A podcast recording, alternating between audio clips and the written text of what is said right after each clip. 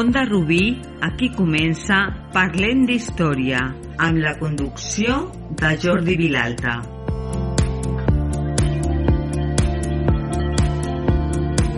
Parlarem avui d'un dels elements històrics més importants de la, de la ciutat de Rubí, i arquitectònics també, que és la nostra església de Sant Pere. Un dels elements més emblemàtics és l'església parroquial de Sant Pere. Està situada enmig de la població i la seva referència documental més antiga és de l'any 986, que fa referència a una venda de terres i cases situades al terreny d'Aqualonga, que és l'actual Vall d'Oreix. Un altre document de l'any 996 menciona a l'Església una qüestió sobre les aigües de la Riera i el torrent de Xarcavins, promoguda per l'abat Ot de Sant Cugat. Ara bé, sembla ser que ja en època romana ja existia poblament en, en aquesta zona i cap al segle II, entre el segle II i el V, també hi havia una vila romana, eh? és a dir, hi havia poblament romà. I posteriorment, al segle V, possiblement també un temple paleocristià, vale? ja dedicat al culte cristià que revolucionaria cap a un temple preromànic. Ara bé, la, la primera data documental és de l'any 986, com hem dit. D'aquesta primitiva església preromànica es van aprofitar alguns elements quan, a finals del segle XI, es va haver de reconstruir l'edifici després de les violentes incursions musulmanes del Mansur, que van tenir lloc cap a l'any als anys 80 del segle X. Per això, el document més antic és del 986, vale? després de la invasió de l'Al-Mansur. Aleshores, cap al aquest segle XI, es va tornar a fer un temple en estil romànic llombard, en planta en forma de creu llatina. Aquest estil romànic llombard es va introduir a la nostra terra cap als principis del segle XI. Eh? Aleshores, es van reaprofitar a la façana de Ponent, que és la que es conserva d'aquesta aquest, època, les, les seves arcuacions llombardes, típiques d'aquest estil. Elements anteriors, per exemple, el finestral, podem constatar una creu antropomorfa, que va ser el símbol del mil·lenari de Rubí l'any 1986, un capitell d'època visiòtica com a base de la columna que separa les dues obertures, perquè és un finestral doble, una columneta de marbre paleocristiana i també les dovelles de l'anterior finestral, que potser seria de tres obertures. Al costat de l'església hi havia un cementiri, del qual s'han trobat tombes antropomorfes, que vol dir en forma de persona, fetes amb lloses de pedres procedents de Can Calopa. El 1080, l'església de Rubí torna a aparèixer a la documentació quan el feudatari del castell de Rubí, Ramon Senyor Fred, fa testament i dona, entre altres llegats a Sant Pere de Rubí, l'església, una peça de terra. I sabem que el primer rector conegut és del segle XI, de 1154, que podria ser Guillem, i potser també Roduar, que és un nom esgrafiat que s'ha trobat sobre un fris romà de marbre. Eh? No se sap ben bé de quina època seria. Aleshores, de finals del segle XII és la portalada, també d'aquesta façana, la façana de Ponent, que és de l'Escola de Barcelona que està decorada amb arquivoltes i capitells amb decoració floral. Al segle XIII es va portar a terme la substitució de la coberta primitiva del temple, que era probablement de fusta, per una nova en forma de volta ametllada, ja de pedra, era típic del gòtic inicial.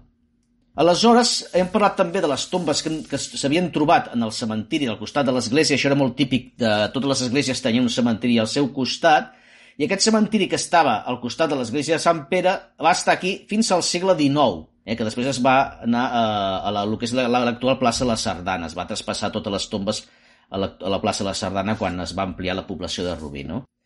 I tornem a l'església dient que al segle XV va desaparèixer l'absis que hi havia i es van anar afegint capelles laterals, de manera que els murs que limitaven es van convertir en pilars, configurant una planta de tres naus. Després tenim el tema del campanar, que va ser eh, edificat cap al segle XV o XVI, Sabem que el primer document és del 1562, en què s'esmenten unes obres al campanar, això vol dir que ja existia abans. En aquest temps, al segle XVI, també es va urbanitzar la plaça i es va anar formant una comunitat de cases que constituïa la Sagrera, i que eren la seu dels primers serveis que podíem anomenar municipals. De fet, el Consell Municipal eh, es reunia a l'església, i a la plaça, a la festa major, s'hi feien balls. A partir d'aquesta època, com hem dit, ja es van afegir més capelles laterals, a la vella nau d'origen romànic, cadascuna dedicat a un sant o una santa. Així, per exemple, tenim documentada la que està consagrada a la Verge del Roser, que és de 1577. Va ser la primera capella situada a la dreta al costat del campanar, amb un retaule datat al 1585 i pintat per Pau Camps, que fou cremat l'any 1936. La construcció era de volta d'aresta amb mènsules que representaven els evangelistes. Aquesta capella tenia una petita sagristia dins el campanar amb porta de pedra picada que encara subsisteix. Va ser edificada per la confraria del Roser, que s'havia fundat el 1571, any de la batalla de Lepant contra els turcs. Entre els segles XVI i XIX, els documents s'esmenten diverses obres a l'església, vol dir que de tant tant s'anava renovant.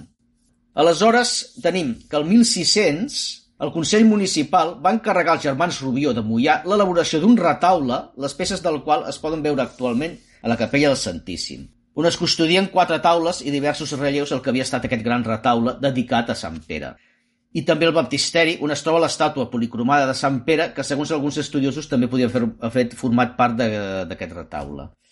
Va ser desmuntat el 1882 quan es van iniciar les obres d'eixamplament de l'església i dipositat a les golfes de la rectoria per passar el 1924 a formar part dels fons del recentment creat Museu de Rubí. Van ser salvats de la crema del 1936 i després de la Guerra Civil es van col·locar alguns altars de l'església parroquial alguns relleus d'aquest retaule, mentre que la resta va tornar a ser exposat al museu. Actualment estan a la capella del Santíssim. El retaule va ser elaborat per Francesc i Jaume Rubió, que eren pare i fills, i eren uns escultors bastant importants de Mollà. Aleshores, el 1599, la Universitat de Rubí, és a dir, el govern municipal, va fer un contracte amb aquests, amb els Rubió, per tal que esculpissin aquest gran altar, i va costar unes 1.200 lliures de Barcelona. Va costar molt de pagar per pas dels rubinencs, fins i tot es van imposar contribucions especials a les masies per poder pagar-ho, i al final es va acabar de pagar el 1618, nou anys després que els Rubió acabessin la feina, per cert, que van fer algunes modificacions respecte al projecte inicial.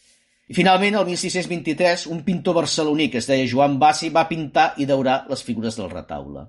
Actualment, d'aquesta obra de religiós que va figurar a la capçalera de l'església durant quasi 300 anys, en resten quatre taules, que és l'adoració dels reis, la circumcisió, el covadis domine i la crucifixió de Sant Pere. I també quatre imatges de sants, Sant Ramon de Penyafort, Sant Francesc d'Assís, Sant Saber i Sant Pacià. I també l'estàtua policromada de Sant Pere, com hem dit, que es troba al baptisteri de l'església parroquial. Segons Josep Comelles, que va estudiar aquest retaule, havia tingut dos cossos i un àtic en el qual havia hagut un calvari o representació de la crucifixió del Senyor, que ha desaparegut. El cos del mig, per sota del calvari, es trobaven escenes relacionades amb la nativitat de Crist. D'esquerra a dreta havia la imatge de Sant Ramon de Penyafort, la taula de l'Epifania o adoració dels Reis Mags, la de la Nativitat, que ha de ser també desaparegut, la de la circumcisió i finalment la imatge de Sant Francesc d'Assís. Més avall, el cos inferior està dedicat a la figura de Sant Pere, continuador de l'obra de Cris, eh? i al seu martiri. D'esquerra a dreta havia la imatge de Sant Saber, la taula del Covadis Domine, l'estàtua policromada de Sant Pere, la taula de la crucifixió de Sant Pere i la imatge de Sant Pacià. I aquests retaules era perquè en aquelles èpoques la majoria de persones no sabien ni llegir ni escriure. Aleshores, l'Església feia ús d'aquestes obres d'art on s'explicaven a través d'imatges els preceptes de la religió cristiana. Aleshores, seguint amb la història de l'Església, sabem que entre els segles XVII s'aniran a afegir més capelles laterals i també a l'any 1628 tenim la constància més antiga de l'existència de campanes, es feien servir per moltes coses, les campanes. Eh? No havia rellotge, també sabien per marcar les hores, cridar sometent, etc. Quan havia algun enterrament, tenia molts usos, depenent dels tocs que tenien. L'any 1702 es va firmar un contracte entre l'escultor Francesc Esfil i Jaume Guiranes, que era el rector de la parròquia, i després també Josep Frenes i Serra, Magí Xercavins i Miquel Serrafossà, que eren jurats per la construcció d'un retaule d'escultura d'un Sant Crist, que ten, hauria de tenir la mateixa alçada i amplada que el retaule de Sant Crist de la vila de Martorell. Aquest altar va ser beneït l'any 1732, encara que se sap que posteriorment es van fer diverses despeses encaminades a la seva conclusió definitiva, o sigui que eh, es va acabar eh, bastants anys després. També sabem que en aquesta època hi havia un altre altar dedicat a la Verge Maria. A la Guerra del Francès, a principis del segle XIX, l'església va ser saquejada per les tropes napoleòniques, que es van emportar molts objectes de valor. També en aquest segle es va adequar un terrat al cim del campanar que podem veure en diverses fotografies antigues. I tenim ja que a finals del mateix segle XIX es va fer el gran eixample de l'església. Va tenir lloc entre els anys 1883 i 1884, que va comportar, entre altres coses, el desenvolupament de la capçalera amb el deambulatori, la sagristia, l'edificació d'una cúpula i l'obertura de la portalada sud, que és la que dona a l'actual plaça del doctor Guardiet, amb un estil una mica neobizantí. L'arquitecte va ser Antoni Casademunt i va ser el 20 de febrer de 1884 quan es va inaugurar i beneir aquestes obres d'ampliació. A partir de 1911 les campanes van tenir una nova companya, un nou company, més aviat, que és el rellotge d'esfera que es va fabricar a la, la localitat francesa de Moré per l'empresa Terrallon et Petit Jean, que avui dia encara segueix funcionant. Era molt important la presència de rellotges als campanars perquè molta gent no tenia rellotges. I aleshores la gent tenia que mirar algun rellotge que estigués en un lloc públic, en aquest cas el campanari, per saber l'hora que era. Quan va venir el, el doctor Guardiet a Rubí, el, el mossèn Guardiet, es van fer obres d'envelliment i reparació l'any 1927, que va consistir en bancs, rajoles del terra, vitralls, etc etc. Després ja ve la Guerra Civil, i tenim que el juliol de 1936 un escamot d'incontrolats va saquejar i cremar l'església i molts objectes religiosos van ser devorats pel foc. Alguns es van salvar, però molts es van cremar. El temple va ser transformat en un magatzem agrícola. Les campanes foren arrencades l'estiu de 1936 per portar-les a fondre i fer material de guerra. Després d'aquests tres anys de guerra civil, el temple parroquial de Sant Pere de Rubí va ser obert al culte novament, i així tenim que el 29 de febrer del 39 es va fer la primera missa després de romandre tancada el culte 30 mesos. Les obres de restauració començarien al març d'aquest mateix any, quan era rector mossèn Pere Brugal. Aleshores, tenim que 370 famílies catòliques de Rubí, també algunes residents fora, especialment fabricants industrials, van aportar mitjans financers per sufragar les obres i l'elaboració de nous altars i elements artístics de caire religiós. També es va refer el terrat del campanar amb els merlets característics, que encara podem veure avui en dia. Entre els artistes que contribuïren més en aquest aspecte, cal destacar la figura de Rafael Solaní, ara en parlarem, nascut a Barcelona el 1895 i mort el 1990. Però abans d'enumerar les obres de Solanit, que encara podem contemplar l'església, hem d'esmentar de, les aportacions d'altres artistes que van contribuir a fer el temple al llarg de la postguerra. Per exemple, el pintor Francesc Fornells i Santiago Pedrós en els mosaics, el Josep Salses, que en els seus tallers treballaren els prominents Jesús Sabatés i Aurèlia Colomer pel que fa al metall repujat, també tenim obres dels escultors Jordi Baró i Miquel Gomita, els fusters Joaquim Gil i Lluís Miranda i el serraller Joan Torra. Aleshores, si entrem a l'església, entrant per la porta romànica de Ponent, a la part dreta de la nau trobem en primer lloc la capella de la Mare Déu del Roser, que substitueix a la, a la que havia del segle XVI, que es va ser cremada a la Guerra Civil, i aquí, en aquesta nova capella, Solarín va esculpir la imatge policromada de la Verge i als seus costats les de Sant Francesc i Santa Llúcia. I també tenim els 15 misteris del Rosari en terracota que rodegen el conjunt, que també són d'aquest del Rafael Solanic. Eh?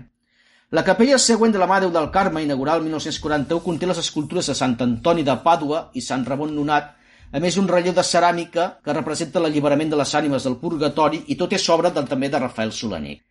Si avancem una miqueta més, la capella de la Immaculada es presenta la imatge de la Verge, també realitzada per l'escultor eh, Rafael Solanic. Ja a punt d'entrar al presbiteri, a la part dreta del creuer i recolzada la paret que dona la sagristia, es troba l'altar de la Verge de Fàtima, que va ser inaugurat el 1953 i l'escultura també és d'en Solanic. I, arribats a l'altar major, es troba l'obra més important que Solanic va deixar al temple parroquial. L'altar va ser totalment destruït durant la guerra i ara calia refer-lo de nou.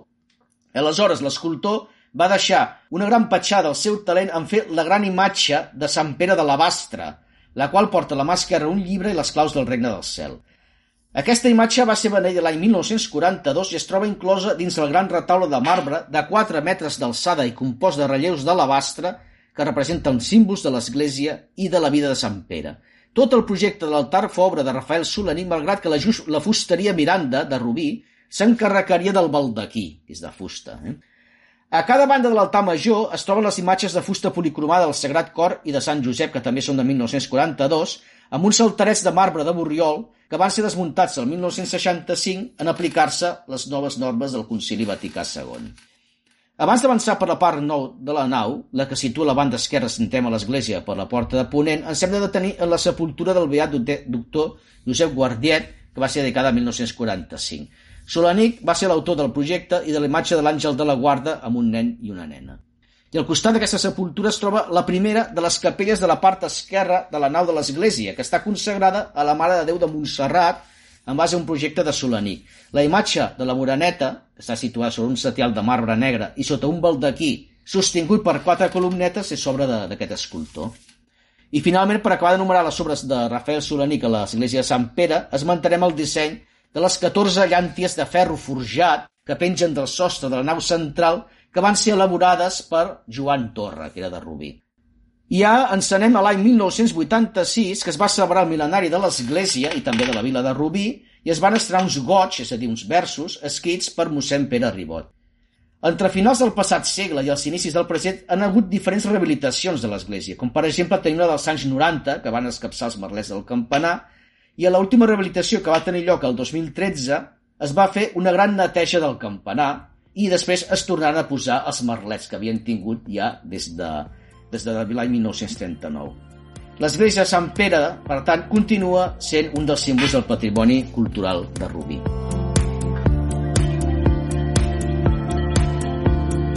Parlem d'Història, un altre podcast de ondarubí.com.